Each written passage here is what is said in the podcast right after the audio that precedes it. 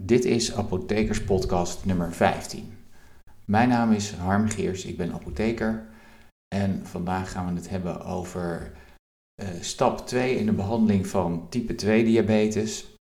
En dat is, uh, doorgaans wordt dat gedaan door het toevoegen van een sulfonylureum derivaat. En sulfonylureum derivaten uh, zijn zijn stoffen die ontdekt zijn in 1942 door de chemicus Marcel Jambon. Hij zag uh, dat die nieuw gemaakte sulfonylureum-derivaten de bloedglucosespiegel verlaagden. Hij was eigenlijk op zoek naar uh, nieuwe antibiotica. En uiteindelijk zijn daaruit de nieuwe sulfonylureum-derivaten ontwikkeld. Um, deze middelen zijn in Nederland ook al heel erg lang op de, op de markt. Er zijn uh, in Nederland op dit moment vier sulfonylureum-derivaten op de markt. En dat zijn glibenclamide, glimepiride, tolbutamide en glyclazide. En uh, is het meest gebruikte sulfonylureum-derivaat in Nederland. Uh, tolbutamine wordt ook nog wel eens voorgeschreven. Maar andere middelen zoals glimeperide en glibenclamide worden steeds minder voorgeschreven. En dat heeft trouwens verband met uh, hun werkingsduur en een kans op, uh, op bijwerkingen die bij deze middelen optreden. En daar komen we later in deze podcast nog even op terug. Um, ja, danken eigenlijk hun naam aan uh, een, een, een, chemische structuur, namelijk de sulfonylureumstructuur die ze allemaal bezitten als gemeenschappelijk kenmerk.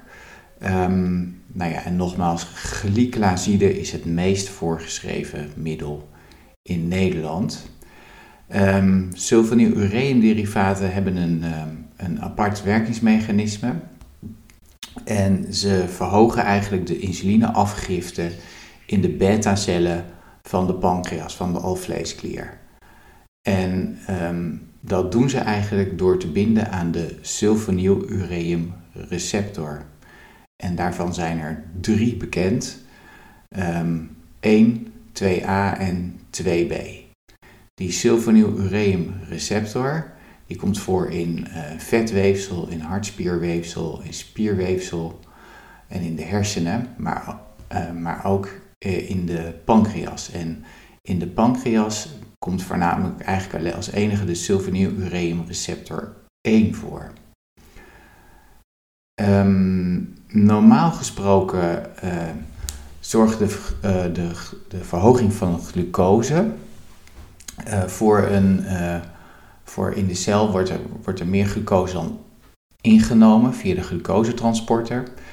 En de hoeveelheid glucose die dan toeneemt in de cel leidt tot de productie van meer van, de, van het energiemolecuul wat in de, in de cel voorkomt, namelijk ATP.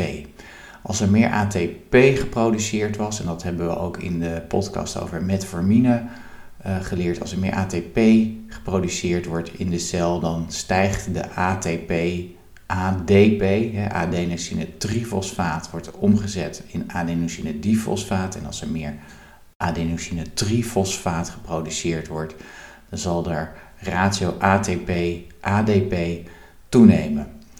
En als er dus meer ATP in de cel komt, dan zorgt de cel ervoor dat het ATP-gevoelige kaliumkanaal uh, gesloten wordt. En door, dan kan er eigenlijk geen kalium de cel meer uitgaan. Nou, normaal gesproken zit er in de cel heel veel kalium. Uh, eigenlijk veel meer dan buiten de cel. Uh, buiten de cel even gemiddeld is het kaliumgehalte 4 millimol per liter, maar in de cel komt het wel tot 140 millimol per liter. Dus um, dat betekent dat er een enorme um, kracht is die zorgt eigenlijk dat het kalium de cel uitstroomt. Want kalium wil altijd van hoge concentratie naar lage concentratie. Nou is het natuurlijk ook, weer, ook zo, uh, of natuurlijk ook zo, maar het is ook zo dat uh, de binnenkant van de cel is negatief geladen en de buitenkant van de cel is positief geladen. Dus kalium stroomt de cel uit omdat de concentratie buiten de cel laag is en binnen de cel hoog. Maar aan de andere kant is de lading van kalium positief en de lading van binnen de cel is negatief. Dus kalium wordt ook een beetje vastgehouden door de negatieve lading binnen de cel. Nou, Op het moment dat kalium de cel niet meer uit kan, omdat dat kaliumkanaal dicht zit door de toename van de ATP, zal dus het verschil in lading tussen positief en negatief zal dalen. Dat zal minder worden. En dat betekent dat de cel, dat noemen ze depolariseert. Het spanningsverschil tussen positief en negatief tussen de binnenste celwand en de buitenste celwand neemt af. Dat noemt men depolarisatie. Door die depolarisatie wordt er een, elders in de cel een, onaf, een spanningsafhankelijk calciumkanaal geopend. Dus dat betekent dat, die, dat er calcium de cel binnen gaat stromen. De cel is nog steeds negatief geladen van binnen en calcium stroomt dan de cel binnen. En door die calciumverhoging in, aan de binnenkant van de cel uh, wordt er een proces uh, in gang gezet waardoor de transportblaasjes die gevuld zijn met insuline, die in de cel liggen, dat zijn een soort, zo, ja, soort blaasjes, soort ronde bolletjes en daarin zit insuline, dat is aangemaakt. En op het moment dat de calciumspiegel in de cel toeneemt, zal die, zullen die blaasjes zich richting de, de celwand um, verplaatsen. En zullen ze uh, fuseren met de celwand. En op dat moment wordt de hoeveelheid insuline die in, hun, in, die, cel, uh, in die blaasjes zit, wordt de bloedbaan ingestuurd. En dat heet exocytose met een moeilijk woord. En daardoor stijgt dus insulinespiegel in het bloed. Uh, nou, wat doen die sulfonyl-ureumderivaten? Die sulfonyl-ureumderivaten die zorgen door de interactie met de sulfonyl-ureumreceptor 1 op de, in de beta-cel dat die ehm, ATP-afhankelijke kaliumkanalen dat die, uh, dat die langer gesloten blijven. Dus daarmee verhogen ze de, versterken ze de depolarisatie van die cel en daardoor zal er meer calcium de cel instromen en zal er meer insuline worden afgegeven. Nou, het is logisch dat die sulfonylureumderivaten dus niet werken bij mensen die geen functionerende beta-cellen hebben. Dus bij type 1 diabetes zijn ze niet werkzaam. Dus er moet een, toch een beetje interne uh, insulineproductie zijn, willen die sulfonylureumderivaten werken. Nou, er is nog een ander middel en dat heet repaglinide. Repaglinide is een, uh, is, is een stof die geen sulfonylureumderivaat is, maar wel hetzelfde werkingsmechanisme heeft als de sulfonylureumderivaten, namelijk dat ze die ATP-afhankelijke kaliumkanalen, dat ze die uh, gesloten houden. Um, repaglinide wordt eigenlijk in Nederland heel weinig gebruikt um, en is ook een, een, stof die niet standaard wordt voorgeschreven. Nou, die sulfonyl-ureum-derivaten, die, die werken en die geven, een, doordat ze dus de insulineproductie verhogen en daardoor er meer glucose de cel ingaat, um, verlagen ze de glucosespiegel. Ze verlagen ook het HbA1c, gemiddeld met 11 tot 17 millimol per liter. En um, ze geven een vermindering, dat is aangetoond van de microvasculaire complicaties. Dus dat zijn de complicaties van diabetes in de ogen en in de nieren.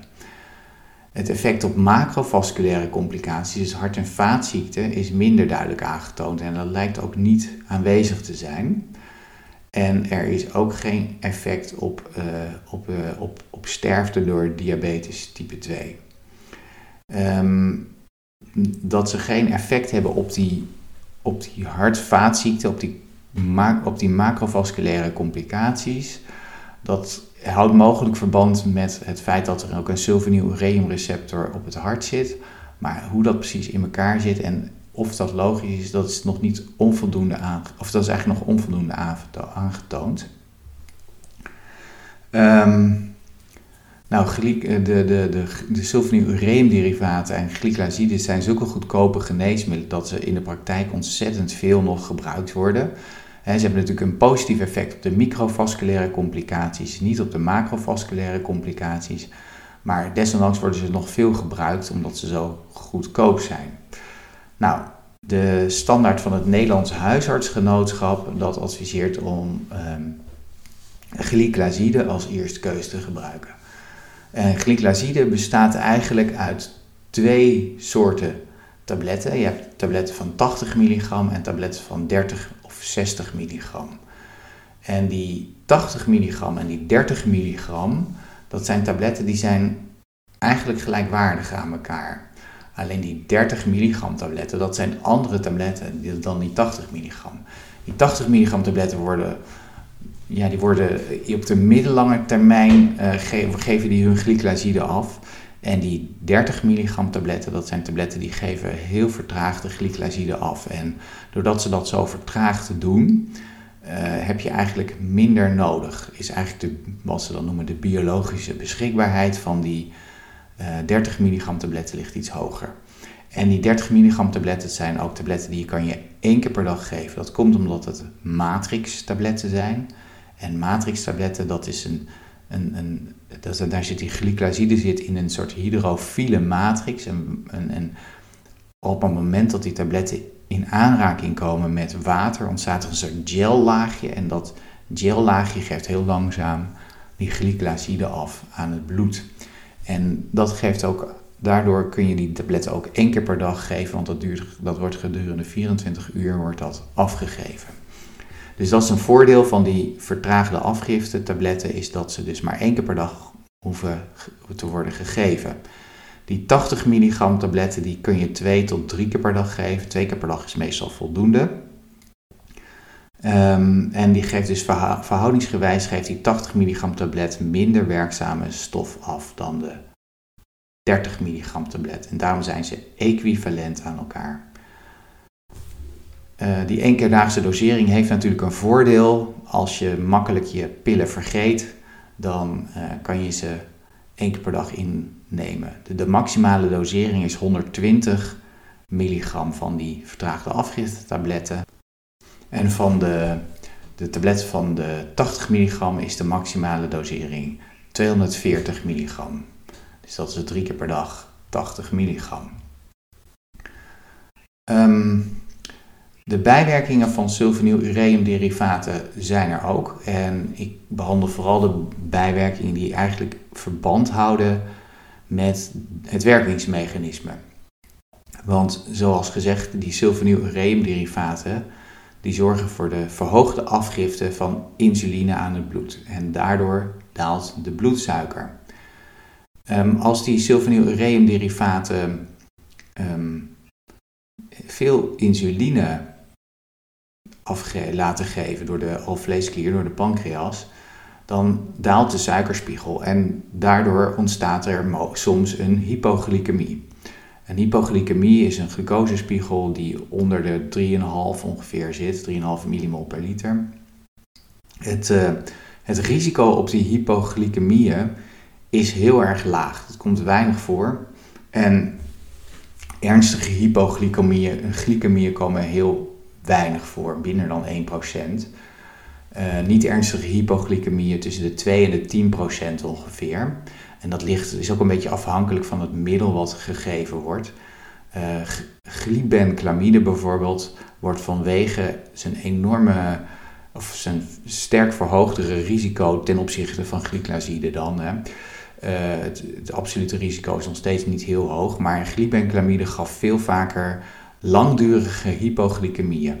En ook vaker ernstige hypoglycemieën. Nou, die ernstige hypoglycemieën, dat zijn eigenlijk hypoglycemieën waar je niet uitkomt zonder hulp van derden. Dus waar je dus echt, waar een partner iets moet doen, bijvoorbeeld een glucagon-injectie toedienen. Of waarbij uh, iemand moet zorgen dat je voldoende suiker nog uh, inneemt. Um, dat zijn ernstige hypoglycemieën. Maar die komen in absolute zin heel weinig voor. Uh, en het risico wordt natuurlijk verhoogd als bijvoorbeeld mensen uh, weinig eten en toch gaan sporten bijvoorbeeld en toch een sulfonylureumderivaat hebben ingenomen, uh, ja, dan is het risico op hypoglycemie groter. En ook bij mensen met een verminderde leverfunctie en met een verminderde nierfunctie is het risico groter op hypoglycemie. En bij mensen die verder gevorderde leeftijd hebben, dus ouderen, die lopen ook meer risico op hypoglycemie. Het voordeel van de hypoglycemie is dat je vaak wel goed aan voelt komen, want je gaat dan trillen, zweten, uh, je wordt onrustig. En uh, over het algemeen, uh, je hartslag gaat naar boven. En dat komt doordat je meer adrenaline produceert. dus mensen die voelen dat vaak wel. ehm, aankomen. Behalve mensen die soms beta-blokkers gebruiken, omdat het effect van die, van die adrenerge stimulatie dat dat minder wordt. Uh, nou, door die, ehm, die werking van dat ze de insuline verhogen, is er nog een tweede werking bij de sulfonylureum-derivaten. want insuline, zoals we uitgelegd hebben in het eerste gedeelte van deze podcast over dus de inleiding van diabetes, um, blijkt dat insuline zorgt voor de aanmaak van glycogeen en de toename van de lipogenese van de vetaanmaak in het lichaam. Dus um, sulfonylureumderivaten zorgen dan ook voor een gewichtstoename. En gemiddeld is dat ongeveer 2 kilo bij mensen die starten met een sulfonylureumderivaat. Verder zijn er nog, uh, nog wel andere bijwerkingen, maar die zijn meer zeldzaam en die zijn eigenlijk niet zo heel goed te relateren aan het werkingsmechanisme. Nou, um, zoals gezegd, sulfonylureumderivaten um, zijn middelen die de microvasculaire complicaties verminderen. En um, ze zijn tweede keus en worden toegevoegd aan metformine. Dus het is heel belangrijk hè, het is om dat metformine als eerste keuze aan te houden. En um, vaak is het zeker de moeite waard om bij metformine eerst te doseren, als u daar nou niet tegen kan, om een eerste doseringsverlaging te doen voordat het helemaal gestopt wordt. Want dan heeft u ook nog voordeel van dat ze op de macrovasculaire complicaties, dat daar voordelen zijn. Nou, zoals u weet is type 2 diabetes, eh, dat heb ik ook al een paar keer gezegd, maar ik kan het niet vaak genoeg benadrukken, is, een, uh, is omkeerbaar. Als je tenminste niet een genetische variant hebt, maar uh, in de meeste gevallen is het omkeerbaar en kunt u heel veel doen door meer te bewegen, door af te vallen, te stoppen met roken, alcoholgebruik zeer sterk te matigen en door gezond te eten. Uh, het kan zelfs zijn, zo zijn dat als u afvalt dat u minder of helemaal geen medicatie meer nodig heeft en dat u kan stoppen met de medicatie. Um, ook bij deze middelen, bij de sulfonylureumderivaten is het belangrijk dat u een positieve sfeer creëert op het moment dat u het geneesmiddel gaat innemen. Uh, zorg ervoor dat u denkt: het geneesmiddel gaat mij helpen, dit gaat goed doen en het helpt mij in het verlagen van mijn glucosespiegel. Ook, ook weer belangrijk om een controlemechanisme in te bouwen waarin u kunt zien of u het middel heeft ingenomen. Nou, als u nou moeite heeft met het innemen van medicijnen, of u heeft vragen, of u denkt: Oh, ik, ik, ik ben onzeker geworden over dit middel, ik maak me zorgen over iets, um, dan is het, kan het soms een goed idee zijn om een afspraak te maken met uw uh, apotheker om, om dit te bespreken. Uh, een apotheker heeft vaak een, een andere blik op medicatie dan een, een huisarts of een specialist. En um, dat kan u heel erg helpen in het, uh, het wegnemen van uw zorgen. Ik merk dat zelf ook regelmatig als ik met mensen spreek. Dus, oh, u heeft het heel anders uitgelegd dan mijn huisarts. En nu begrijp ik het uh, beter of anders, of heb ik een completer beeld van wat belangrijk is. En dat mensen zijn dan toch vaak gemotiveerd om een medicatie toch um, in te nemen. Nou, zo'n consult bij een apotheker is, uh, vaak, uh, wordt ook vaak vergoed door de zorgverzekeraar tegenwoordig. En, um, dus het is nou, best handig om daar gebruik van te maken. En, um, en daarmee zijn we aan het einde gekomen eigenlijk van deze uh, apothekerspodcast. Um, ik hoop dat u het interessant vond en dat u het nuttig vond. Op de website heb ik nog een filmpje over het werkingsmechanisme van de sulfonylureumderivaten geplaatst. Het is een kort filmpje. En mocht u vragen hebben, dan ben ik te bereiken via harmgeers.gmail.com of harmgeers. En vergeet vooral niet, als u de podcast interessant vindt, deze te delen met al uw vrienden, kennissen, ouders, noem maar op. Hartelijk dank en tot de volgende week.